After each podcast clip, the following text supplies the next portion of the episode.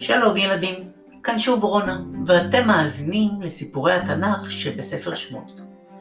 הנה אנחנו שוב בפרק ב', הפעם בחלקו השני. חלק זה מדבר על תקופה בחיי משה הבוגר, שיצא להתבונן בבני ישראל העובדים בפרך. כמו שכבר אמרנו, בסיפור שלנו קיימים פערי מידע, אותו מנסות האגדות למלא. אבל הכתוב עצמו שותק. למרות זאת, אנו שומעים על שתי התרחשויות חשובות שמלמדות אותנו על חוש הצדק של משה. ניתן להפוך את ההתרחשויות הללו לתמונות. בואו נדמיין. תמונה א'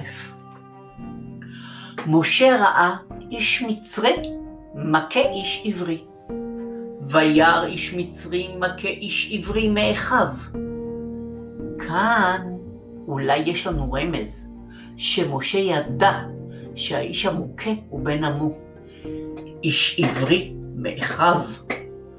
משה יוצא כאן להגנת אדם שהוא חלק מעמו, חלק מהעם שלו, העם החלש, הסובל.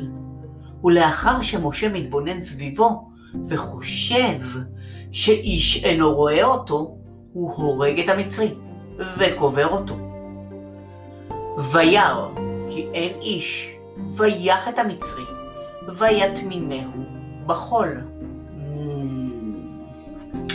משה מצטייר לנו כאיש רודף צדק, אבל אולי הוא רודף צדק כי המכה הוא איש מצרי, והמוכה הוא איש עברי, מה אתם חושבים?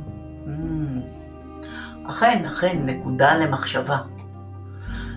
והנה מגיעה התרחשות נוספת. תמונה ב', בואו נדמיין. בפעם הזאת ראה משה שני אנשים עבריים מכים זה את זה. והנה שני אנשים עבריים ניצים. אנשים ניצים, פירוש הדבר, אנשים רבים זה עם זה. פנה משה לזה שחשב שהוא אשם, ויאמר לרשע, למה תכה רעך? האיש שמשה האשים התפרץ נגדו, מי שמך לאיש שר ושופט עלינו? הלהרגני אתה אומר, כאשר הרגת את המצרי? ההתרחשות הזאת מעידה שמשה פעל כך מפני שיש לו חוש צדק מפותח. והוא לא רק מעניש את המצרי, הוא מעניש גם את בן עמו, בלי אפליה ובלי משוא פנים. אבל, וזה אבל גדול מאוד, לאחר ההתרחשות הזו, מבין משה שהשמועה על הריגת המצרי פשטה, ושהרג המצרי ידוע, ועל כן חייו של משה בסכנה. וירא משה, ויאמר, אכן נודע הדבר. הרגשתו של משה הייתה מוצדקת. כשנודע לפרעה על מעלליו של משה, גם הוא חיפש אותו להענישו, וביקש להרוג אותו. משה ברח לארץ מדיין. ארץ מדיין היא חבל ארץ המצוי בסיני. המדיינים היו שבטים נודדים שנדדו גם בארץ כנען וגם בעבר הירדן המזרחי. בהגיעו למדיין התיישב משה ליד הבאר. וכך מתחיל החלק השלישי של סיפורנו, והוא נפתח במשה היושב ליד הבאר במדיין. נשאלת השאלה, מדוע מגיע משה דווקא אל הבאר? בואו נדבר בכלל על המשמעות של הבאר בתקופת התנ"ך. הבאר בתקופת התנ"ך הייתה צומת חברתית. לבאר המים או המעיין, או בכלל למכור מים, הגיעו רועי הצאן כדי להשקות את העדרים. והנערות הגיעו כדי לשאוב מים לבתיהן. מקום זה שימש צומת חברתית, להיכרויות ויצירת קשרים. ואם נחשוב רגע על ספר בראשית, ניזכר כי ליד המעיין פגש עבד אברהם אליעזר את רבקה, אתם זוכרים? רבקה, אותה רבקה שהשקטה אותו ואת עשרת גמליו, מים, והפכה מאוחר יותר לאשתו של יצחק. ואם נוסיף ונתקדם, ליד הבאר בחרן פגש יעקב ברחל, אשתו לעתיד, שבאה עם צאן אביה להשקותם מים. ויעקב, בכוח פלאי, גלל את האבן הגדולה מפי הבאר, ועזר לה להשקות את צאנה במים. ואם נחזור חזרה עכשיו לפרק שלנו בספר שמות, למשה, היושב ליד הבאר, הוא מסתכל סביב ורואה באותה השעה את שבע בנותיו של כהן מדיין, אשר הגיעו להשקות את צאן אביהן. הן שאבו מים ומילאו את השקטות עבור הצאן. כמו שכתוב, ותדלנה ותמלאנה את הרהטים להשקות את צאן אביהן. אבל אז הגיעו גם רועים, וגרשו את הנערות. וכשראה משה את הרועים מגרשים את הבנות, הוא יצא להגנתן.